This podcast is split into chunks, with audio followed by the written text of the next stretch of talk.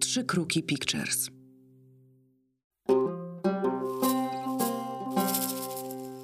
Michał Leja, Łukasz Sokół o fotografii. Siódmy i szczęśliwy epizod Trzech Kruków Pictures i wyjątkowe gości Jacek Marczewski. Dzień dobry. Dzień dobry. Jestem numerem 7. Polski fotograf, twórca fotografii prasowych, kurator wystaw, autor plakatów, albumów i ilustracji, um, fotoreporter Gazety Wyborczej, członek Press Clubu Polska i członek Związku Polskich Artystów Fotografów. Człowiek od Wisły. Chociaż człowiek z nad Odry. Chociaż człowiek z nad Odry, właśnie. To, że te rzeki łączą. No. Temat, fotograficzny temat rzeka. Na pewno o tym jeszcze porozmawiamy. E, Jacku, od ponad 30 lat pracujesz dla. Właściwie chyba przetoczyłeś się przez większość e, tych ważnych redakcji prasowych, zarówno dzienników, jak i magazynów. Ale powiedz, jak to się zaczęło w ogóle?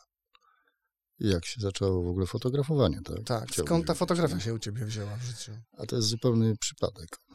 Kompletnie. Ja oczywiście będąc małym chłopcem dostawałem jakiś tam aparat fotograficzny typu mm, start i próbowałem pierwsze zdjęcia robić, ale to szybko lądowało gdzieś tam na dnie szuflady. Natomiast y, w 83 roku dałem się zaprosić y, na imprezę, na której poznałem fotografów i siedziałem tam ze trzy dni na tej imprezie. To były dobre imprezy kiedyś. Kiedyś były tak. Jak zobaczyłem, że oni się tak bawią tym, tą fotografią, to tak pomyślałem sobie, że no czemu nie? I okazało się, że gdzieś tam jakiegoś zenita wyciągnąłem, pierwsze zdjęcia zacząłem robić, a potem chłopcy mi sprezentowali mm, aparat Praktika ze światłomierzem, ale niestety bez baterii. Baterię można było kupić w Berlinie. W związku z tym, e, chodząc e, z kolegami po mieście, e, cały czas pytałem się, jakie jest światło. Chłopcy mi mówili, co dało taki efekt, że mniej więcej po pół roku byłem w stanie ocenić na oko o każdej porze dnia i przy każdej żarówce, jaki jest, jakie są parametry świetne. I trafiałeś. I Stałeś trafiałem. się światłoczuły. Światłoczuły, tak. Stałem się światłoczuły i rzeczywiście jakoś tak y, bardzo szybko zakochałem się w tej pracy. E, szukałem swojego miejsca, bo chłopcy bawili się różnymi mm, rzeczami. I szukałem swojego miejsca, ale najbardziej jakby mnie pociągała ulica. Wtedy chodziło się z aparatem wszędzie, włącznie z tym, że jeżeli się wychodziło wyrzucić śmieci, to też się szło z aparatem ponieważ człowiek się bał, że mu umknie coś, co zobaczy na ulicy i może sfotografować. Więc aparat był nieodłączny. Cały czas się go nosiło, no i chodziło się na piechotę. Ponieważ samochodów się jeszcze nie miało, nie stać nas było na to, więc chodziło się na piechotę po Warszawie i obserwowało się ludzi po prostu. I jakby wychowany, znaczy wychowany na tych y, zdjęciach, które koledzy robili, na przykład Krzysiek Pawela, wychowany, y, czy Witek Krasowski, wychowany na y, albumach słynnych, najsłynniejszych bogów fotografii takiej ulicznej. Y, Kołdelka Cartier-Bresson, Duano czy Babo.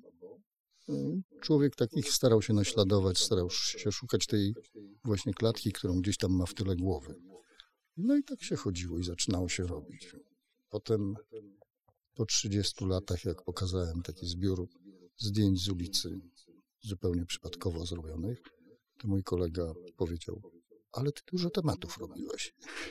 Ja mówię, nie, okay. ja chodziłem po ulicy. Żadne z tych zdjęć nie powstało do żadnego tematu. Ale dosyć szybko to się stało twoim zawodem, nie tylko pasją i takim właśnie...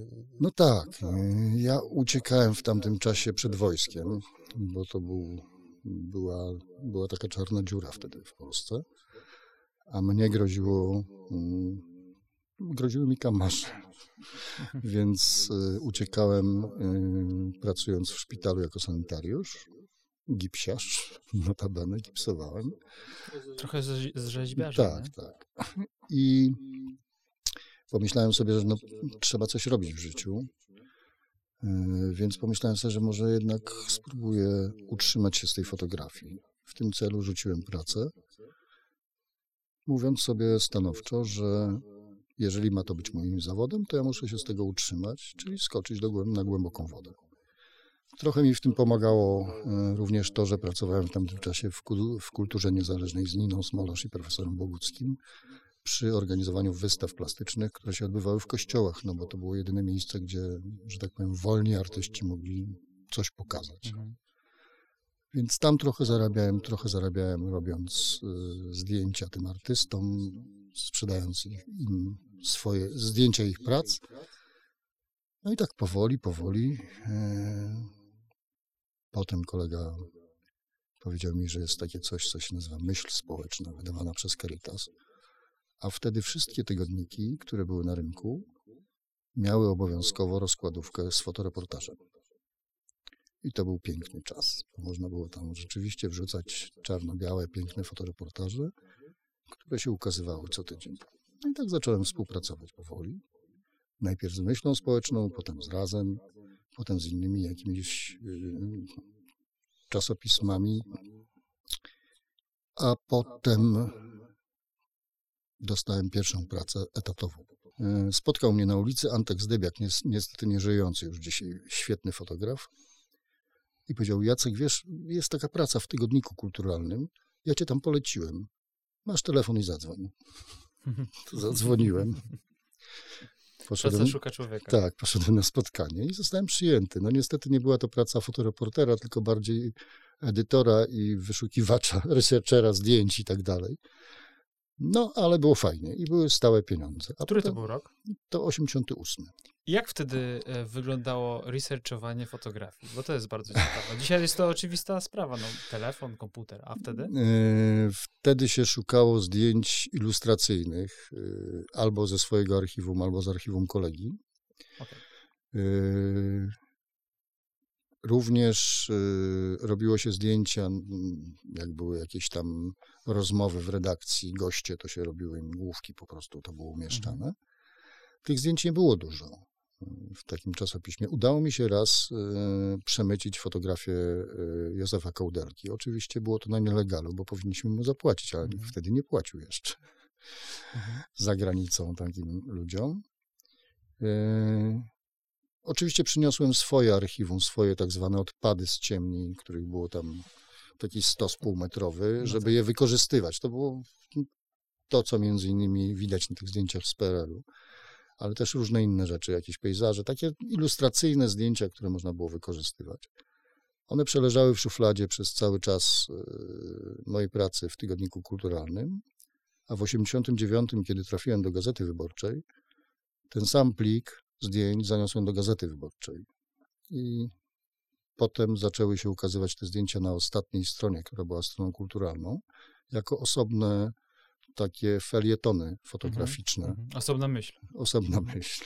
No, w gazecie I, przez lata był fotofelieton. To, może to, to był potem, taki... To mhm. potem był fotofelieton, natomiast tutaj to było po prostu zdjęcie bez nawet bez podpisu, bez niczego. Po prostu zdjęcie, które w jakiś sposób przyciągało uwagę i było um, albo zabawne, albo jakieś poruszające i tak dalej. No i moja um, sekretarz redakcji z y, Tygodnika Kulturalnego powiedziała w pewnym momencie Jacek, a dlaczego ty tam publikujesz w tej gazecie takie fajne zdjęcia, a u nas nie? Ja mówię, zajrzyj do swojej szuflady, tam one leżą. Okay. Taki I to był, był y, to był też początek wyborczy? Który to był rok? Tak, 89 rok y, w okolicach bodajże kwietnia dowiedziałem się, że ma powsta- powstać y, Gazeta Wyborcza.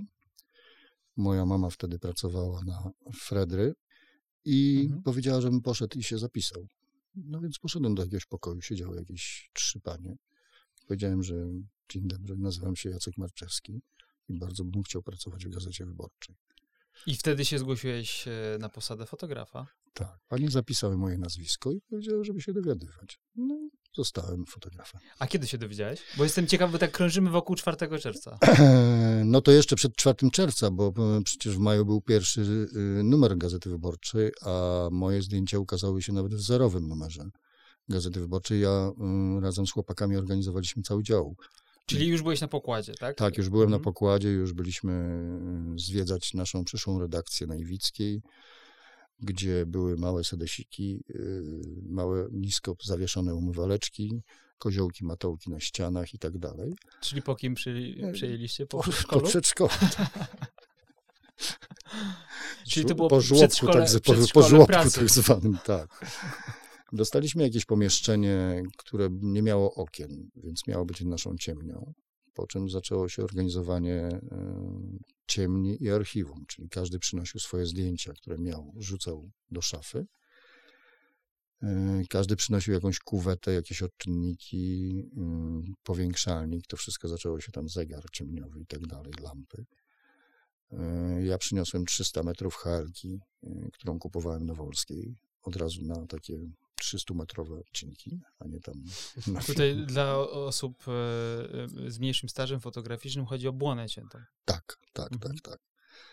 No normalnie się kupowało to w sklepie fotograficznym w kasetach już, natomiast dużo taniej wychodziło kupienie, wychodziło, żeby kupić to na Wolskiej u producenta, a na dodatek mieliśmy tam dobre układy. Jak się przychodziło do pana Janka, to pan Janek wyciągał odpowiednio zrobiony y, film, czyli nie, zaś, nie, za, nie, nie, nie na przykład nie, nie zaświetlony albo coś, tylko Pierwej sort. tak, pierwej sort. Wtedy się odcinało kawałek, próbowało się, jaką czułość Mhm. trzyma i potem się cięło na tak zwane rozłożenie rąk, czyli 36 do 42 klatek. jak I do to- kasetki. I do kasetki. Wszyscy zbieraliśmy kasety Ilforda, które były bardzo porządnie zrobione i można było je wielokrotnie otwierać i zamykać. I w ten sposób się pracowało. No dobrze, to teraz y, przychodzi czerwiec. Co się działo w redakcji? Co się działo w twojej pracy? No, myśmy, znaczy ja powiem tak, ja w tym, na tym, w tym, ten cały początek Gazety Wyborczej polegał na tym, że ja wstawałem o godzinie 7 rano, bo mnie tak budził mój syn, który był małym brzdącem wtedy. Przełykałem szybko jakieś śniadanie, leciałem do pracy i wracałem koło 22. A czasami nie wracałem przez 3 dni bo tak się zdarzyło na przykład wtedy, kiedy wybuchł bunt więźniów w Nowogardzie. Ja zdjąłem z, dalekopisu y, depeszę, która mówiła o tym, że więźniowie grożą y, wyjściem na ulicę. No i powiedziałem, że natychmiast musimy tam jechać. Zebraliśmy ekipę w ciągu dwóch godzin. Y, Pojechaliśmy na lotnisko. Okazało się, że nie ma biletów do Szczecina. No ale pani, jak się dowiedziała, że jesteśmy z Gazety Wyborczej, to powiedziała, żeby poczekać. Bo może jednak. Bo jej mąż nie może zjeść śniadania bez Gazety Wyborczej. I w pół godziny załatwiła nam wtedy bilety. Dzisiaj to już by nie zadziałało chyba. Kupię tak. Kupiłem jej za to wiecheć kwiatów, żeby podziękować grzecznie. No i wylądowaliśmy pod więzieniem w Nowogardzie, mm, gdzie już od trzech godzin była komisja rządowa e, z posłem Niesiełowskim, z adwokatem Wendę i z e, Władkiem Fraceniukiem, którzy się bardzo zdziwili, że nas zobaczyli. No i potem przez cztery dni siedzieliśmy w tym Nowogardzie e, i próbowaliśmy zrobić z tego materiał. Wtedy byłem w środku razem z tymi więźniami, bo oni się zamknęli od środka w, w budynkach i wpuszczali tylko wybrane gości. No ale byłeś bardzo młodym fotografem wtedy. No, powiedzmy młodym, no. To jakie to było uczucie wejść od razu w, taką, w takie ciężkie tematy? Słuchaj, ja się nie bałem tych, y, tego, że ja tam w środku jestem. Miałem taki moment y, zawahania, kiedy stałem na dachu, na tam chyba czwartym czy piątym piętrze, a otaczało mnie około stu więźniów. I tak się zastanawiałem, czy, czy jakoś tak nie oddalić się od brzegu tego dachu, być bardziej na środku. Ale to byli bardzo mili chłopcy. Oni wiedzieli, na początku byli do nas y, tak y, niespecjalnie nastawieni, bo tą informację o tym, że oni mieli wyjść na ulicach, puścili dziennikarze z Głosu Szczecińskiego, co było nieprawdą. I myśmy tą informację prostowali. Prostowaliśmy w ten sposób, że wysłaliśmy natychmiast depeszę do, do wyborczej, żeby to umieścili na czołówce, to sprostowanie takie. No ale problem był jeszcze jeden. Yy, gazeta mm, poza Warszawą była antydatowana, czyli wychodziła dzień później. Mhm. W związku z tym, jak po południu oni dostali to i wsadzili to do, do porannego wydania, to to się ukazało w Warszawie, ale jeszcze więźniowie nie mogli tego wiedzieć. W związku z tym redakcja zapakowała e, kilkadziesiąt gazet w samolot i rano odebraliśmy to e, z lotniska. Pokazaliśmy więźniom, że się wywiązaliśmy z naszego, Mhm. e, z, z naszego zadania i w ten sposób nam zaufali po prostu. Używasz bardzo e, ciekawych określeń, jak dalekopis, depesza. E, ten przepływ informacji i przepływ tych fotografii, który dzisiaj jest tak naprawdę symultaniczny wręcz, wtedy inaczej trochę wyglądał, prawda? No, zupełnie inaczej to wyglądało, ponieważ rzeczywiście, żeby się czegoś dowiedzieć, to trzeba było pójść do dalekopisu i sprawdzić, co, jakie są depesze papowskie. Telefony były tylko stacjonarne. O pagerach jeszcze nikt nie słyszał, bo to Mhm. była dopiero myśl, która miała się pokazać. Urządzenie, które miało się pokazać. A zdjęcia, jeżeli się nie zdążyło, w, jeżeli temat był późnym popołudniem, to niestety szły dopiero następnego dnia, ponieważ nie było możliwości wrzucenia ich, y, Wciśnięcia. wciśnięcia ich, czasowo. bo już Mhm. czasowo nie, nie, nie wyrabiało się, to wszystko było y, wytrawiane blachy, ołowiane czcionki i tak dalej, i tak dalej. No To- zupełnie inny czas. To. Wygląda jak prehistoria. I proszę, nie mówcie do mnie, że jestem starszy niż węgiel kamienny. Jest spokojnie. Słuchaj, Jacku, a czy miałeś romanse? Czy w twoim życiu był zawsze tylko reportaż, czy też inne fotografie się pojawiały? Czy miałem romanse? No nie stroniłem. e, Mówimy ciągle o fotografii. Oczywiście.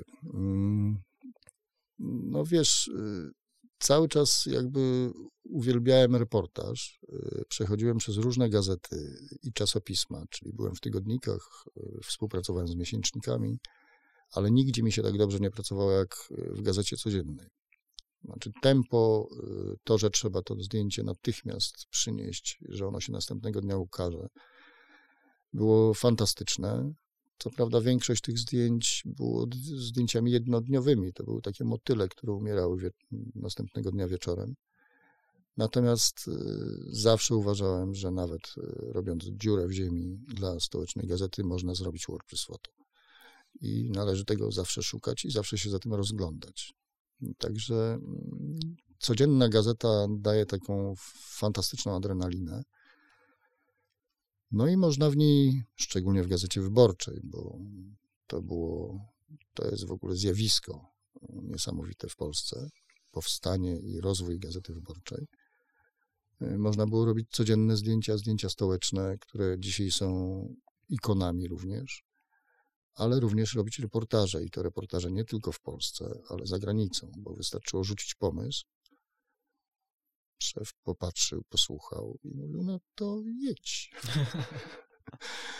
Gazeta miała taką, przez pewien czas była nazywana Biuro Turystyczne Gazeta Wyborcza, bo rzeczywiście myśmy jeździli wszędzie, po całym świecie. Ja pamiętam, jak zobaczyłem w jakimś starym tygodniku Morze taki reportaż y, z Sycylii y, o matance, czyli takim tradycyjnym połowieniu, po, połowie tuńczyków. Tak się łowi tuńczyki od półtora tysiąca lat. I to jeszcze chyba do dzisiaj istnieje tam na Sycylii. Już jest jako taki trochę. Mhm. klub- Jako trochę jak cepelia. Tak, tak, trochę taka cepelia. Ja się zapaliłem, żeby to zrobić. Strasznie chciałem to zrobić. Zresztą Salgado robił też y, z tego materiału. ś- Świetny zresztą. No i poszedłem do szefa i mówię, Sławek, wiesz, ja bym zrobił taką matancę. A Sławek mówi, to policz, ile to będzie kosztowało. No to ja policzyłem. Oczywiście jazda samochodem na Sycylię. Policzyłem mniej więcej, położyłem mu taki kosztorys. A Sławek popatrzy, mówi, jak znajdziesz jeszcze dwa tematy, to jedź. Okej. A to był. em, ja będę tak próbował lokalizować w czasie, żebyśmy mieli większe wyobrażenie tego, jak się w ogóle też na przykład chociażby z reakcji logistyki podróżowało wtedy po Europie. To, był, y, to było już y, w 90 latach, pod koniec Mhm. 90 lat mniej więcej. no już podróżowało się normalnie, tylko dla mnie to ten pierwszy tak daleki wyjazd samochodem e, za granicę. No, to jednak a jest... czy w ogóle pierwszy taki wyjazd na zdjęcia zawodowe? Czy, czy miałeś Nie, nie, nie, nie, nie. W, 80, A powiedz mi o w tym 89 y, poleciałem do Armenii y, z y, Leonem Bójko, niestety świętej pamięci, świetnym dziennikarzem, który znał Rosję po prostu jak własną kieszeń. Był cudownym facetem. I poleciliśmy do Armenii, żeby zobaczyć y, granicę konfliktu między Armenią a Azerami. I to była moja taka pierwsza przygoda e, w głębokiej Rosji, e, która po prostu powodowała, że ja chodziłem cały czas z otwartymi ust- ustami i szeroko e, otwartymi oczami.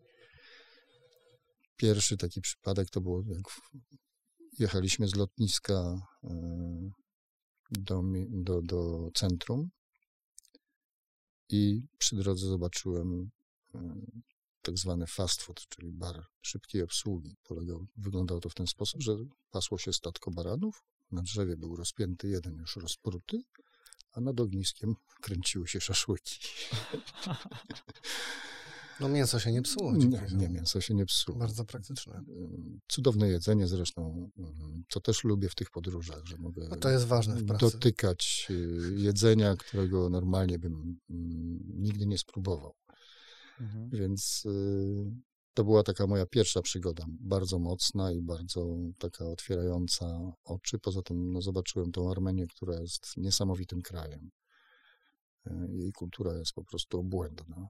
Mm, No, a potem się już posypało, bo potem była Ukraina, potem były Prybałtyki, Rosja w różnych miejscach.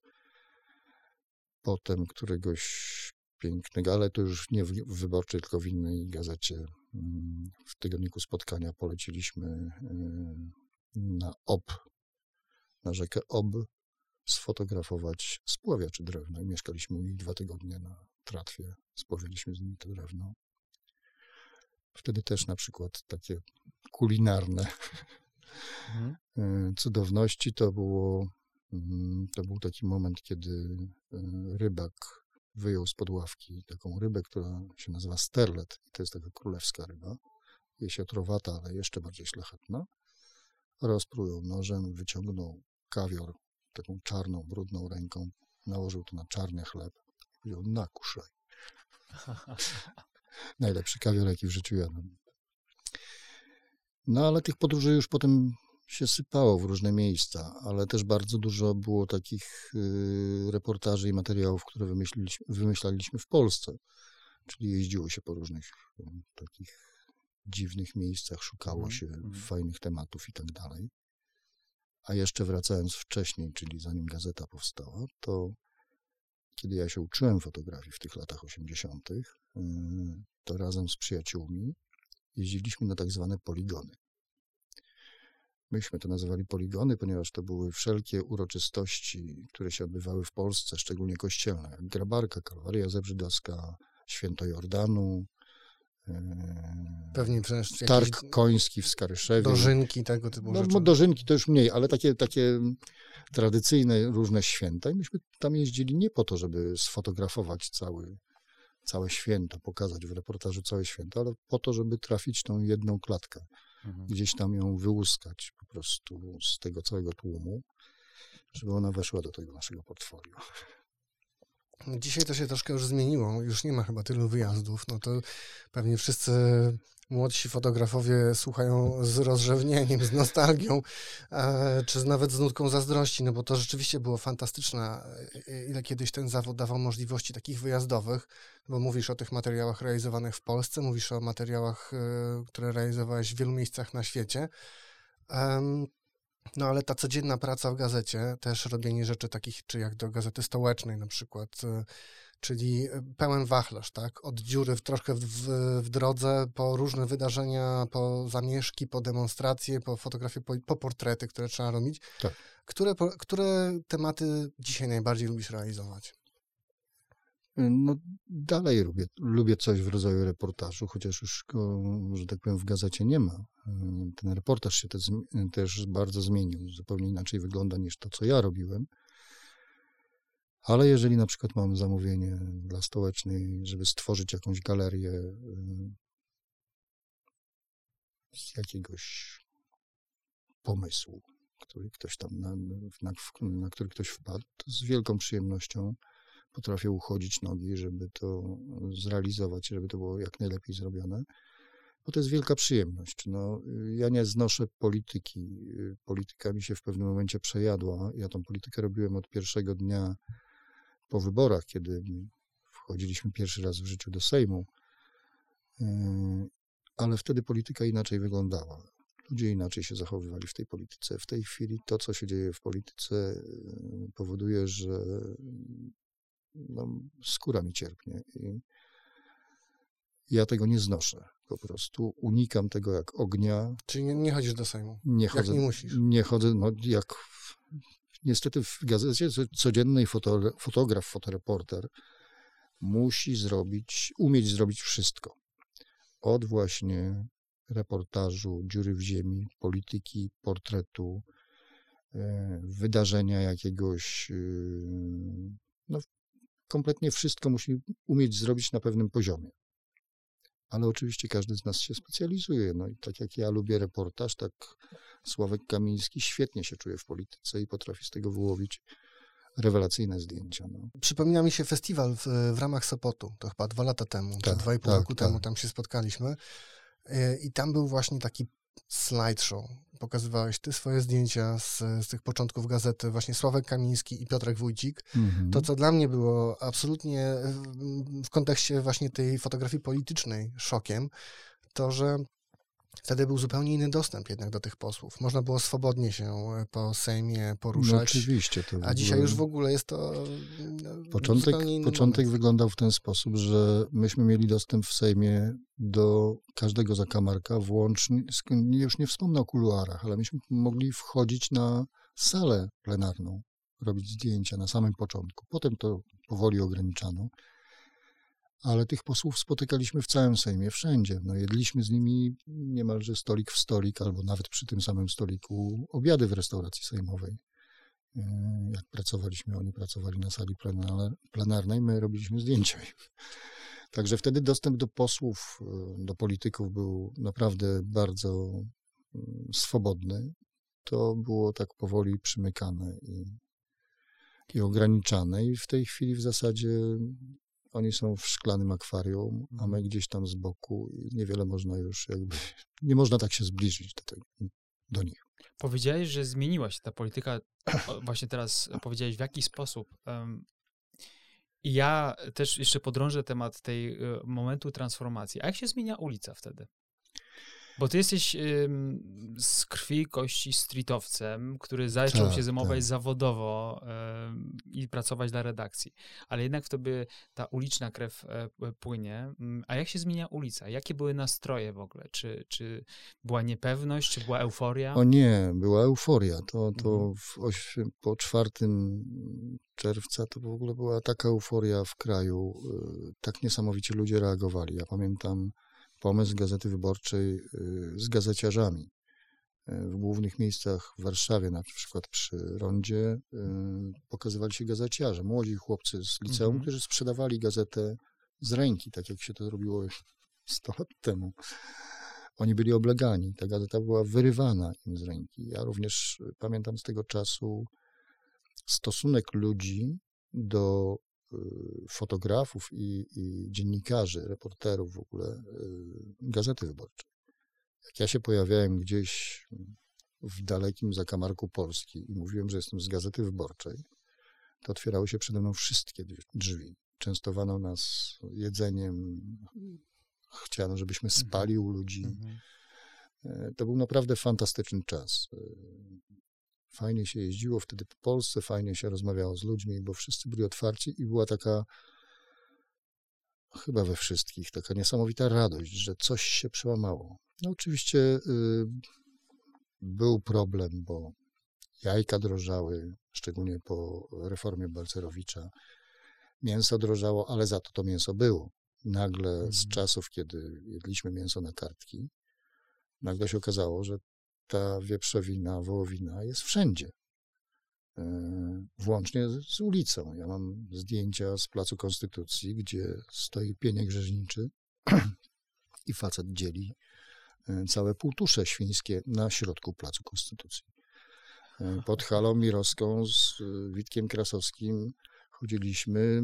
Mam jego portret do dzisiaj z, ze świńskim łbem, który notabene ktoś ubrał w ciemne okulary, żeby się pośmiać z Jaruzelskiego. Yy, No i to było niesamowite, bo rzeczywiście się działo. No potem był ten, zaczął się ten wolny handel. To w ogóle było szaleństwo jakieś yy, w Polsce i w Warszawie, bo cała yy, marszałkowska przy do, pod domami centrum z pasażem Wiecha była zastawiona Sz- Szczękami. e, szczękami. Na początek to były łóżka polowe, potem Okej. dopiero zaczęły wchodzić y, nowoczesne rozwiązania, jak, jak szczęka. jak szczęka.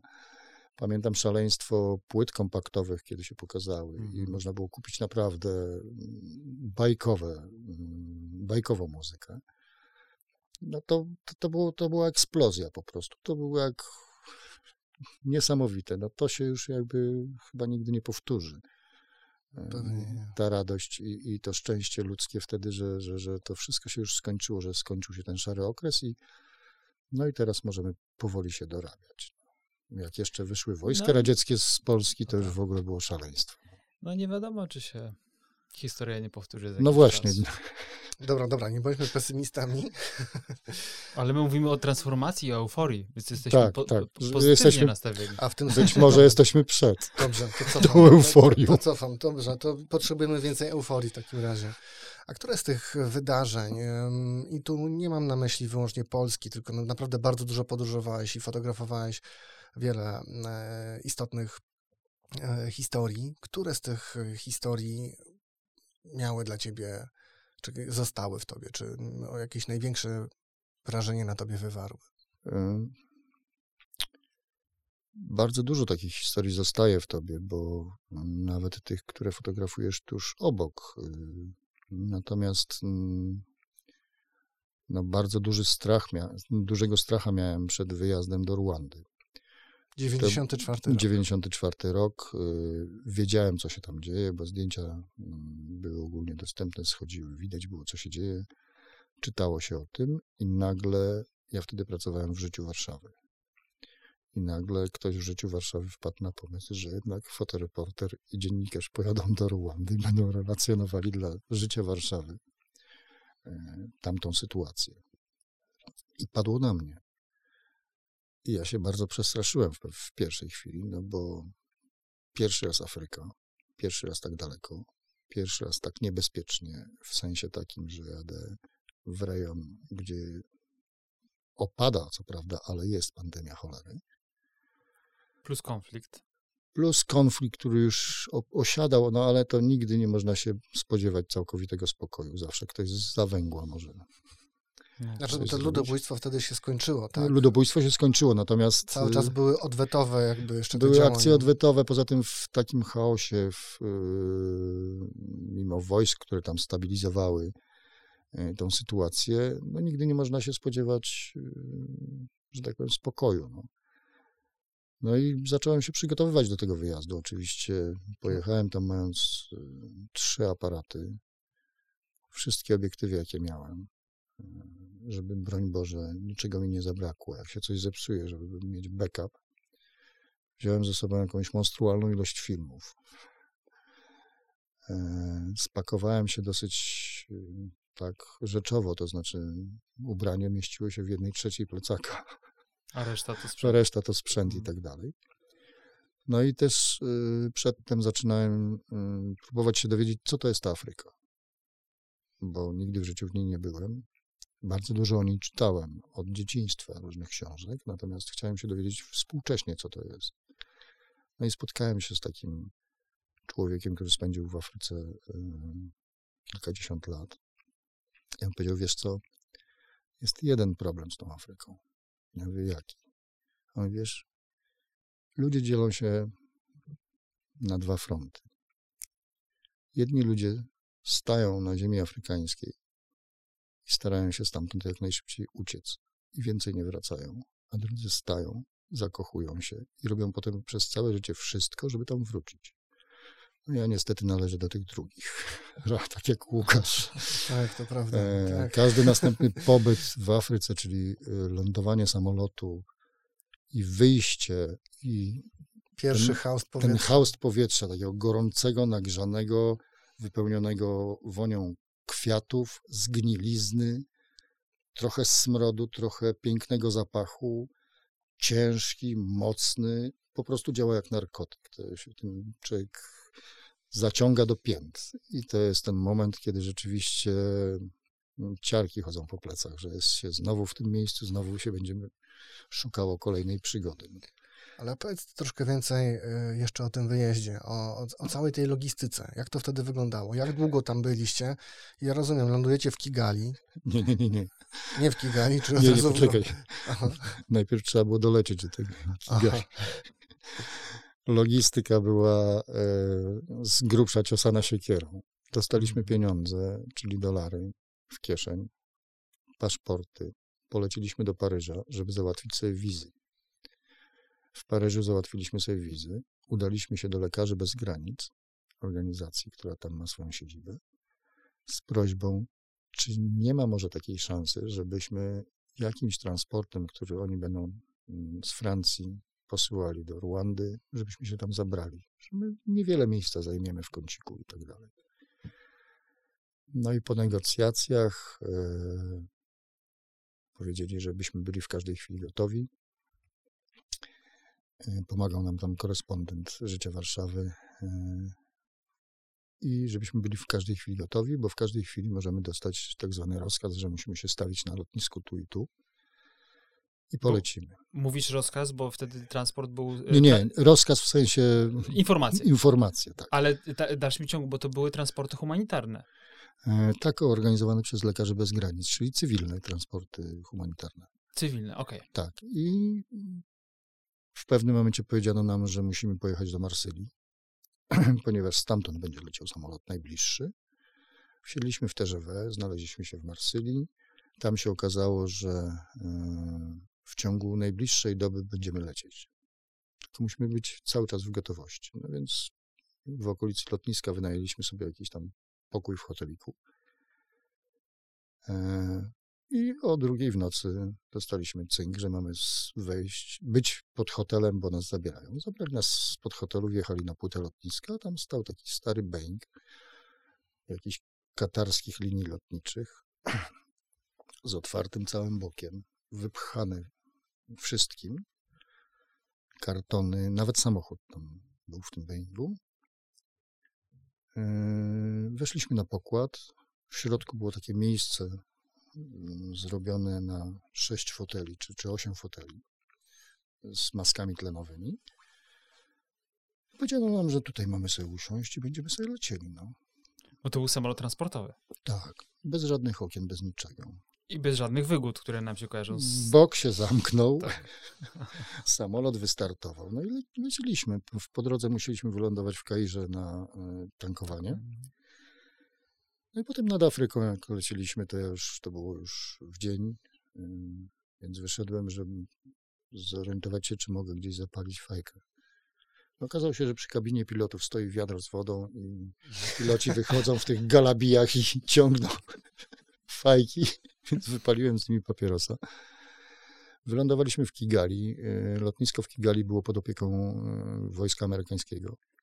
Było świetnie zorganizowane. Stamtąd pojechaliśmy do jednostki, która e, jakby stabilizowała tamten rejon. Tam spotkaliśmy dwóch polskich pu- pułkowników, którzy w ramach e, jakby wojskowej tam współpracy pracowali tam. No i zaczęła się nasza przygoda. No. Powoli zaczęliśmy się rozglądać, byliśmy oprowadzani po, i po Kigali, i, i wyjeżdżaliśmy na jakieś tam wycieczki organizowane dla prasy. Mm, No i w pewnym momencie padło, że trzeba jechać do tej Gomy, zobaczyć te obozy dla uchodźców. Pojechaliśmy tam, wynajęliśmy tam hotel w tej Gomie. To był wtedy Zair, w tej chwili Kongo. Na ulicach kompletny Meksyk. Yy, Wymiana 10 dolarów, które były w jednym banknocie, skutkowała tym, że dostawało się naręcze banknotów tej Reklamówka. No, reklamówkę, tak, dokładnie. E, I no, nie było fajnie i bezpiecznie, no, ale się udało. Udało mi się też wtedy cudowna sytuacja, ponieważ y, przyjechała prezes y, Światowego Programu Żywnościowego, żeby zwiedzić to, mm, co tam się dzieje. I miała być przewieziona e, helikopterem do serca tego obozu. No i było miejsce w tym helikopterze. Więc skoczyłem, to był jakiś taki, chyba Apacz, nie jestem pewny. Ławeczki stały wzdłuż osi.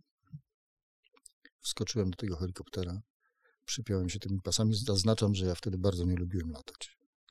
Miałem stresa. No jak wystartowaliśmy, to oficer, który nas tam pilnował, otworzył te drzwi na, na całej długości. Powiedział, a teraz róbcie zdjęcia. I ja wisiałem na tym pasie. Jedyne, co mogłem zrobić, żeby nie zwariować i ze strachu się nie posikać, to trzymałem cały czas aparat przy oku cały czas y, wodziłem tym obiektywem, gdzie co mogę fajnego zobaczyć i, i, i, sfotografować. No stamtąd powstało jedno z tych zdjęć, które tutaj w Mhm. tym zestawie jest, czyli tacy przewracający się ludzie w momencie, kiedy helikopter, y, to było jak startował akurat z obozu z powrotem. Do zobaczenia na naszym Instagramie. Tak jest. Do zobaczenia. Y, I, I to była niesamowita przygoda, ponieważ myśmy wylądowali w środku tego obozu, a potem ja przez ten obóz szedłem sobie samotnie y, z torbą na ramieniu i fotografowałem to, co widziałem. I czułem się całkowicie bezpieczny. Jedyny moment, kiedy y, był taki, taki moment zawahania, to jak wszedłem do takiego podobozu, gdzie byli, byli wojskowi Hutu. No i tam leżał pod ciężarówką jakiś ranny mm, żołnierz, który mm, był w mundurze jeszcze, takich resztkach mundurowych na sobie. Chciałem zrobić zdjęcie i dostałem stanowczy zakaz podnoszenia aparatu do oka. No i po prostu się stamtąd oddaliłem, e, żeby nie prowokować żadnej sytuacji, ale też zwiedzałem tam sierocińce, ta cała sytuacja, którą ja tam zobaczyłem w ciągu tych paru dni, y, to nawet to, co widziałem w Kigali, nie zrobiło na mnie takiego wrażenia, jak y, ci ludzie, którzy tam w warunkach takich no, absolutnie ekstremalnych próbują przeżyć. Miałem taką sytuację, że obserwowałem przez pół godziny e, starą kobietę, która się czołgała mm, po ziemi, pchając przed sobą miskę, bo to było jej jedyna rzecz, którą miała, przykryta jakąś resztką derki, ona na moich oczach umierała. Znaczy, ja wiedziałem, że to nie jest, że ona umiera po prostu, że to, jest, to są ostatnie siły, które może z siebie ta kobieta wykrzesać. Nie wiem, dokąd idzie, nie wiem, co ludzie mijali ją obojętnie. Uciekłem stamtąd po prostu, no bo nie jestem w stanie pomóc w takiej sytuacji. A nie mogłem na to dłużej patrzeć. No to jest taki, to jest tak, taka podróż, która została we mnie do dzisiaj. I to myślę, że każdy fotograf, który jeździ, nie tylko po konfliktach, bo konflikty, bycie na wojnie, tak jak bywał Krzysiek Miller, odciska dużo większe piętno. Natomiast potem oglądanie takich y, ludzi, którzy są kompletnie niewinni, którzy są po prostu zwykłymi ludźmi, którzy jedyne marzenie, jakie mieli, to wychować dzieci i spokojnie umrzeć. I hmm. oni są w tak głębokim dole, że po prostu nie widać jakby światła na górze. To jest ta ciężka rola y, dziennikarzy, reporterów, y, fotografujących czy filmujących, y, bycia świadkiem po prostu. I tej odpowiedzi wewnątrz samego siebie, gdzie jest granica, gdzie się jest świadkiem, obserwatorem, korespondentem, a kiedy należy właśnie pomóc lub nie pomagać. Właśnie to jest ten taki odwieczny chyba dylemat, prawda? E, nie pomożesz w takim wypadku. Będąc w takim miejscu, nie jesteś w stanie pomóc. No co możesz zrobić? Możesz wziąć tą kobietę na ręce i co? No właśnie. I nic więcej. Wydaje mi się, że ta e. rola fotografa i pomocy fotografa to jest to, żeby właśnie światu opowiedzieć tak, o tym. Tak, jedyne pokazać. co możesz zrobić, to zrobić zdjęcia, zrobić na tyle mocne zdjęcia, żeby, bo niestety coraz mocniejsze te zdjęcia są potrzebne, żeby poruszyć ludzi przy latę z podwójnym mlekiem i cynamonem, żeby zrobić takie zdjęcie, żeby tych ludzi poruszyć, żeby oni jednak zareagowali i żeby ta reakcja wpłynęła na No rządy poszczególnych państw, krajów, żeby to ukrócić. To jest wszystko. Na początku fotografia wygrywała wojny, tak jak wojnę w Wietnamie. Mhm. Teraz już jest coraz gorzej, ale też się zmieniła sytuacja. Kiedyś fotograf zupełnie spokojnie poruszał się po mm, rejonie konfliktu. Jeżeli ginął, to zazwyczaj przypadkowo. Dzisiaj na fotografów i dziennikarzy się poluje. Mhm. Oni są pierwszym celem. Nie wróg, tylko dziennikarz, bo on właśnie może coś pokazać, co jest niewygodne dla jednej lub drugiej strony. No, z drugiej strony to jest takie wywieranie wpływu, no, to jest ten terror. To jest właśnie to, widzisz, tak, tak jak jeżdżę do tej Afryki, to w 84 na terenie Zairu w Gomie, na terenie obozu dla uchodźców, Mhm. sam jeden białas, całkiem dobry i sprawny. Czułem się bezpieczny. Chodziłem po tym obozie bez żadnego problemu. Jak jakiś czas później byłem e, w Nigerii, w Lagos, to po prostu cały czas miałem oczy dookoła głowy. Czułem się cały czas niebezpieczny. Cały czas czułem, że coś obok czyha i że trzeba uważać bardzo. To się tak właśnie strasznie zmienia. Byłem na mm, rajdzie Paryż-Dakar, gdzie w trakcie rajdu, to był milenijny rajd w 2000 roku, e, w trakcie rajdu e, szefostwo rajdu dostało informację, że planowany jest zamach terrorystyczny. Oni przerwali cały rajd i przewieźli wszystko. Sam, helikoptery, samochody, motocykle, całą obsługę, wszystko. To jest olbrzymie przedsięwzięcie. Przewieźli samolotami do Na Libii, bezpieczny odcinek. Mhm. żeby uniknąć tej e, ewentualnej zasadzki, która mogłaby do nich A zasadzka była planowana w, W Nigrze. w Nigrze. w Nigrze. I w ciągu y, rajd stanął na parę dni i w ciągu 24 godzin y, organizatorzy załatwili dwa Rusłany, które latały wahadłowo, wożąc cały sprzęt w tej z powrotem. Także mm, no dzisiaj y, nasz wspólny kolega y, z Łukaszem Piotruś kiedyś wpadł na pomysł, żeby przejechać przez Afrykę Dacią Duster. Tak, tak. Ja oczywiście w pierwszej chwili zapłonąłem jak pochodnia, ale e, jak rozłożyłem mapę i zobaczyłem przez jakie kraje miałaby być ta podróż, to od razu mi wszystko opadło, bo stwierdziłem, że no nie jesteśmy w stanie przejechać tego, e, tej Afryki w takim miejscu, w, po taki, w takich krajach. No, Tak, byliśmy- dzisiaj we współczesnym byliśmy, świecie tak, bylibyśmy pierwsi do odstrzału, nie przejechalibyśmy jednego dnia. Mhm.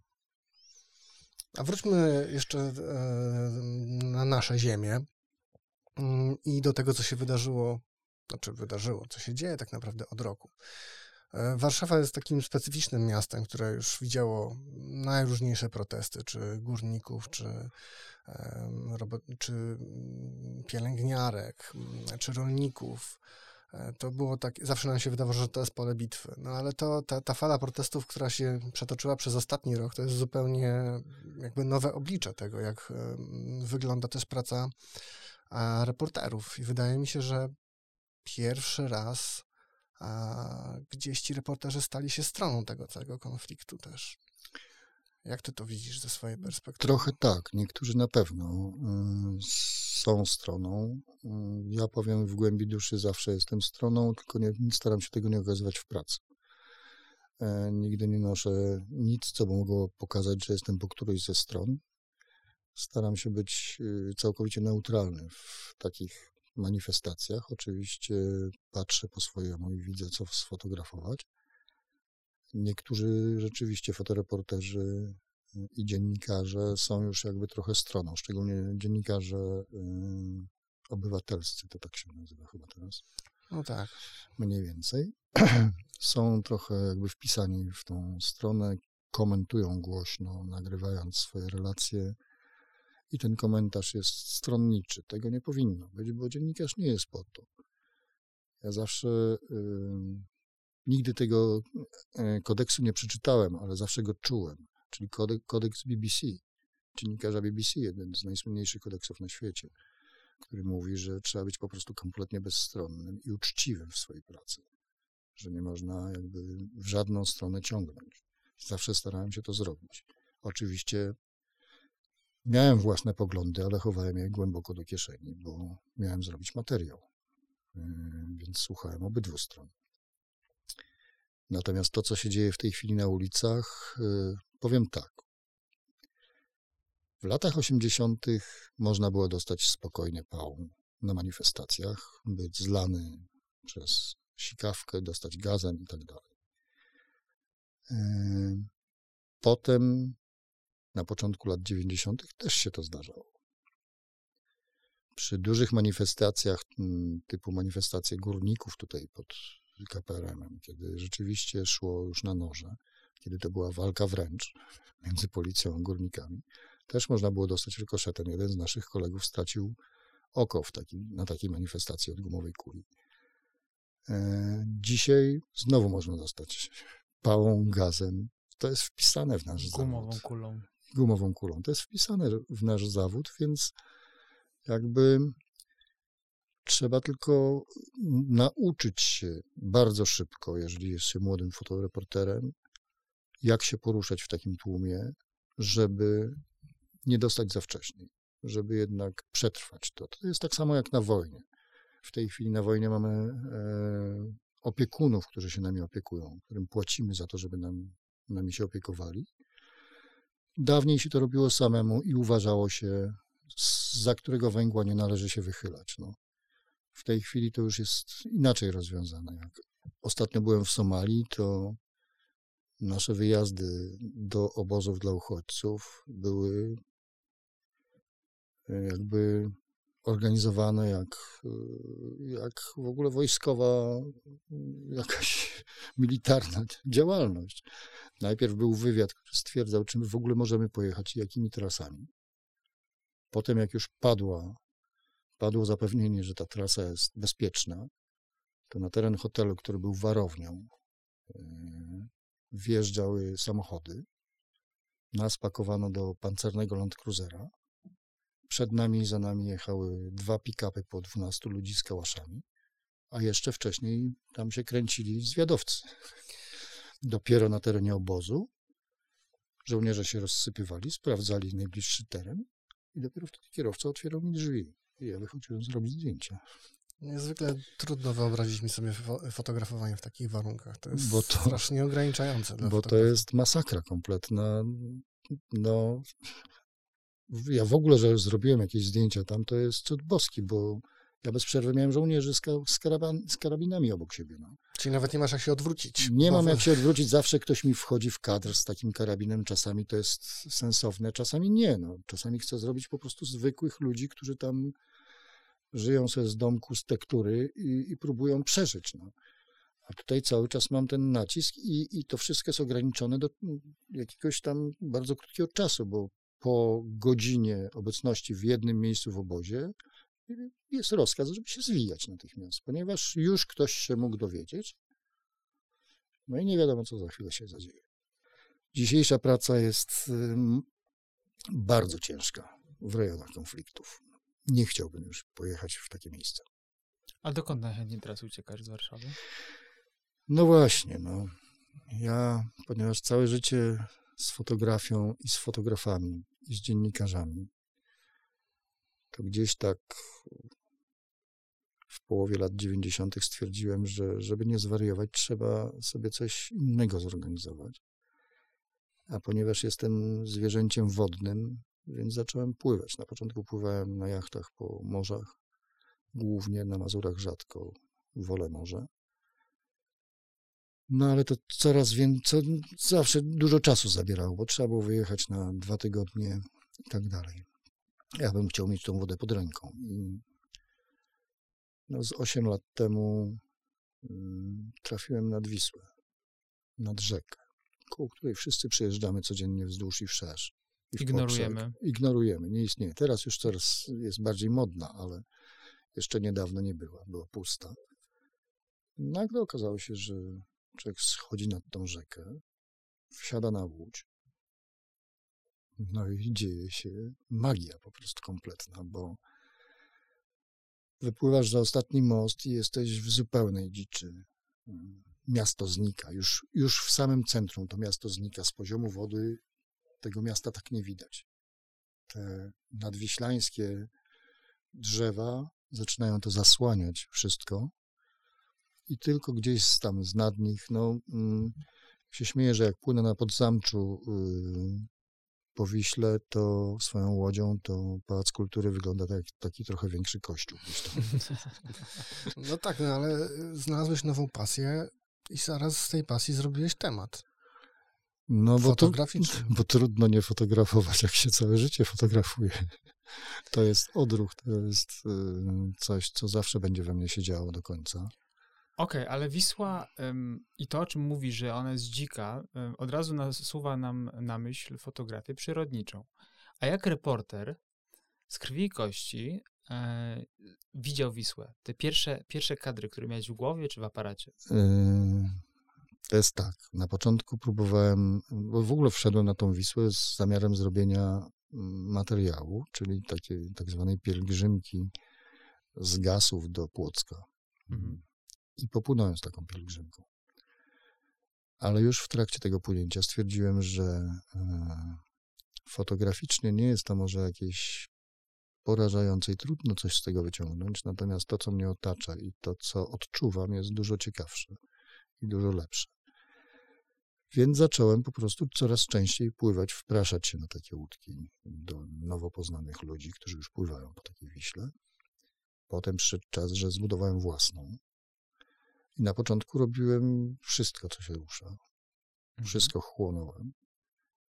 A potem zacząłem się trochę bawić tą fotografią. Mianowicie, jak już miałem własną łódkę, to się okazało, że strasznie ciężko robić zdjęcia i płynąć równocześnie. Czyli prowadzisz łódź jedną ręką, a drugą masz obsłużyć aparat, zmienić obiektyw i tak dalej. Wszystko jest to nad wodą. E, Nad lustrem wody niemalże, że, więc strach, że coś wypadnie za burtę i tak dalej. No i nagle się okazało, e, narzędzia to są tylko narzędzia, więc zacząłem fotografować telefonem tą Wisłę. I e, ja już wcześniej zrobiłem taki reportaż, znaczy taki, taki materiał, taką wystawę o, z Chorwacji, gdzie jeździliśmy z żoną i dziećmi przez 10 lat na wakacje na taką maleńką wyspę, na której nie ma samochodów. Ja fotografowałem zawsze tę wyspę i to, co się tam działo na tych wakacjach, tubylców i tak dalej, i tak dalej. I w pewnym momencie, mając swojego pierwszego iPhone'a, mm, miałem taką aplikację i okazało się, że ona tak trochę mm, jest takim naśladownictwem Polaroida z lat 60. i daje takie niesamowite efekty, że w pierwszej chwili na te zdjęcia się patrzy jak na zdjęcia stare, gdzieś tam właśnie sprzed 50 lat. Dopiero po bliższym przyjrzeniu się widzi, że się po ubiorach Współczesny kontekst. współczesny kontekst. Wtedy zrobiłem cały materiał o tej wyspie tym aparatem. To wisiało w Polsce i w Chorwacji. Były dwie wystawy. I jak zacząłem robić tą Wisłę, to jakby samo mi się nasunęło, że kolorystyka, którą oddaje ta aplikacja, jest dokładnie taka jak kolory Wisły. No i zacząłem to w ten sposób robić. I ta Wisła na tych zdjęciach jest trochę taka bajkowa, trochę nierzeczywista. Tam są sytuacje reporterskie, pejzaże, zachody słońca, fotografia przyrodnicza, wszystko. Ale ona ma opowiadać o takiej bajkowości zupełnej, takim odjechaniu kompletnym. Czymś, co jest no, jak rysunek y, ze starych bajek, jak rysunki Szancera, które nas, mnie w młodości przynajmniej, poruszały w bajkach, tak mniej więcej chciałbym, żeby ta Wisła y, działała na ludzi. Ym, Czy te fotografie, o których teraz mówiłeś, zarówno z y, Chorwacji, jak i z Wisły, można zobaczyć na Twoim Instagramie? Częściowo tak.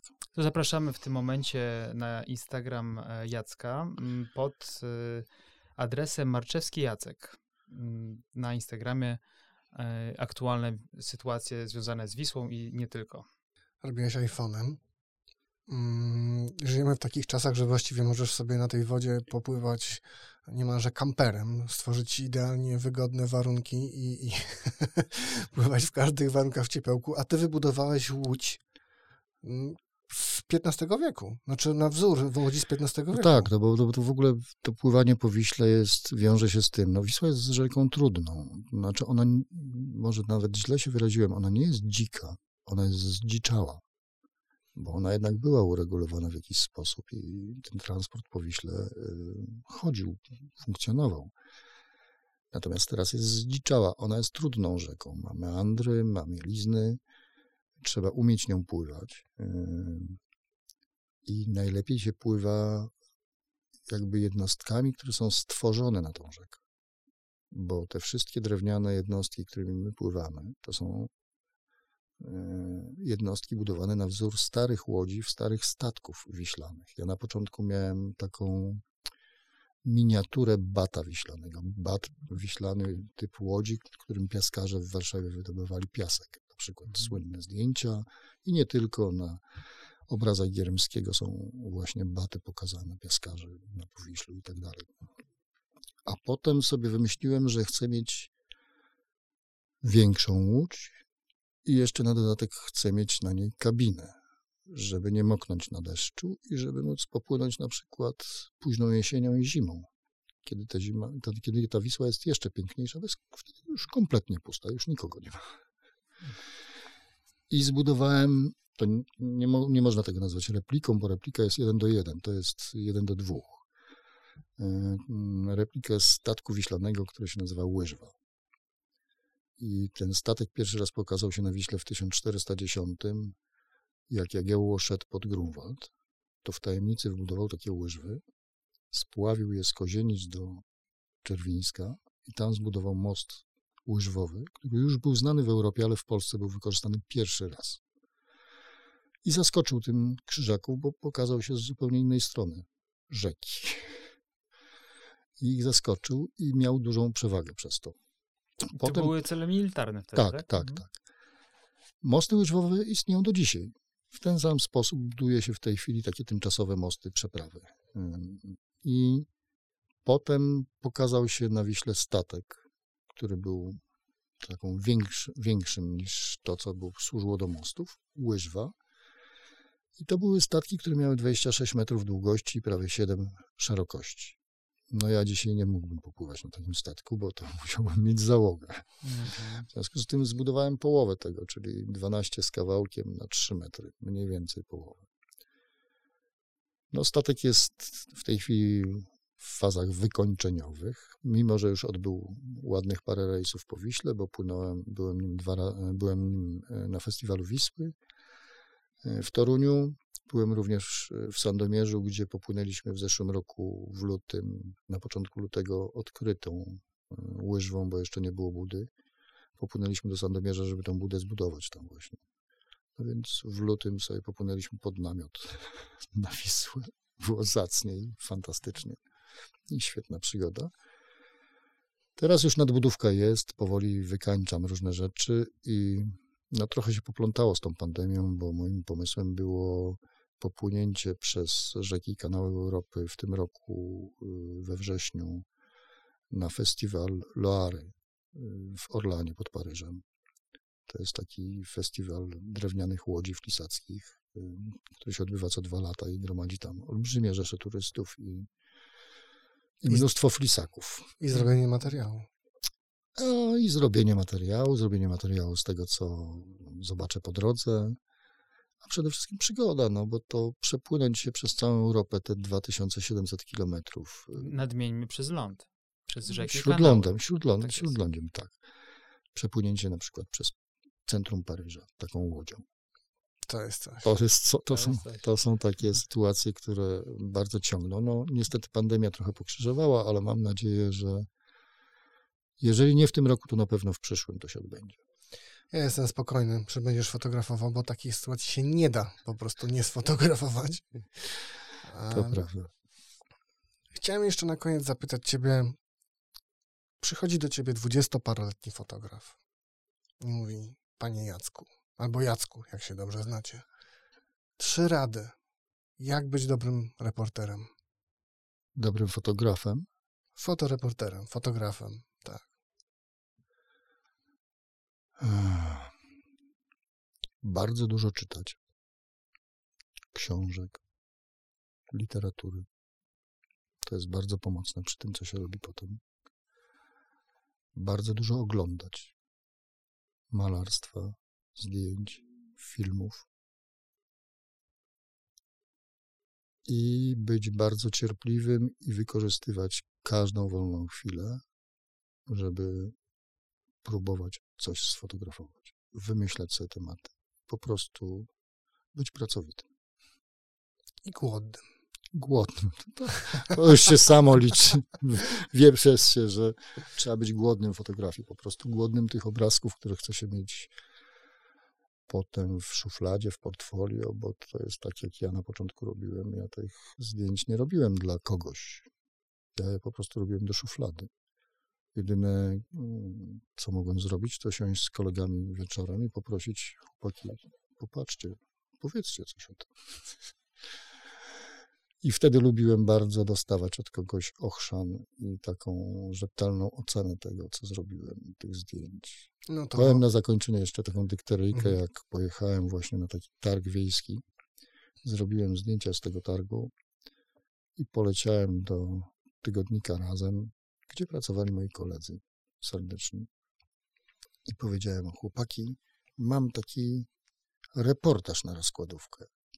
Zobaczcie. No i oni rozłożyli te zdjęcia. Popatrzyli. Pokiwali głowami. Powiedzieli, wiesz, zdjęcia są fajne, można by było tu coś z tego ułożyć. Ale wiesz, to, to i tamto zdjęcie, to idź do ciemni i popraw, bo one są kiepsko skopiowane.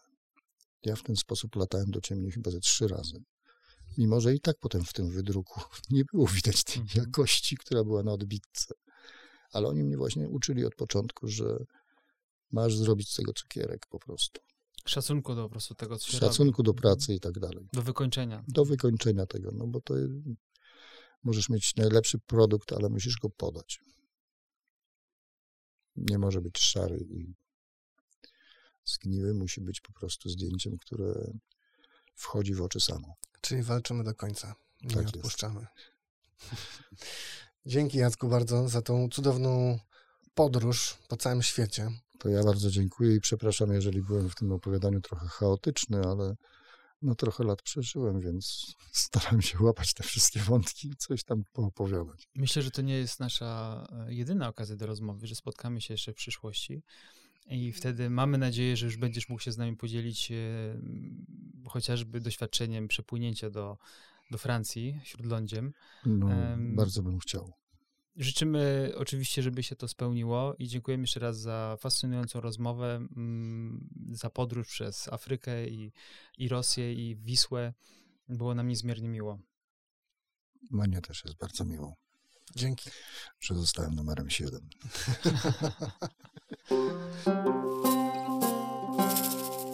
Realizacja dzisiejszego odcinka była możliwa dzięki wsparciu portalu Szeroki Kadr. A Szeroki Kadr to, jak pewnie wiecie, świetnie wykadrowany portal edu- edukacyjny o fotografii. Chyba największy e, tego typu portal w Polsce, do którego zarówno ja, jak i tutaj siedzący ze mną Łukasz e, piszemy regularnie artykuły. Łukasz w marcu opublikował bardzo ciekawy artykuł o współpracy z NGO-sami. Opowiedz coś o tym. Tak, opisuję w nim swoje doświadczenia we współpracy z organizacjami pozarządowymi. Bo Łukasz jest e, bardzo doświadczonym e, fotografem w tej kwestii. Bardzo często wyjeżdża do Afryki, gdzie ta współpraca polega na dokumentacji e, tego, Działalności. Co, działalności tych e, organizacji, NGO. Tak. Tak, więc opowiadam o tym, jak się to rozpoczęło, jak to przebiega, jakie są tego korzyści, jakie są tego wady. No, staram się zainspirować do podobnych działań. Tekst Łukasza znalazł się w dziale poradnik, e, a poza działem poradnik znajdziecie tam e, również wywiady z fotografami miesiąca, inspiracje, czyli portfolia fotografów z całego świata, a także od niedawna nasz podcast Trzy Kruki Pictures, który również nadmienię będzie w dziale inspiracje, e, czyli rozmowy, które my nagrywamy z Łukaszem z wieloma interesującymi fotografami i osobami związanymi z fotografią. To były trzy kruki Pictures.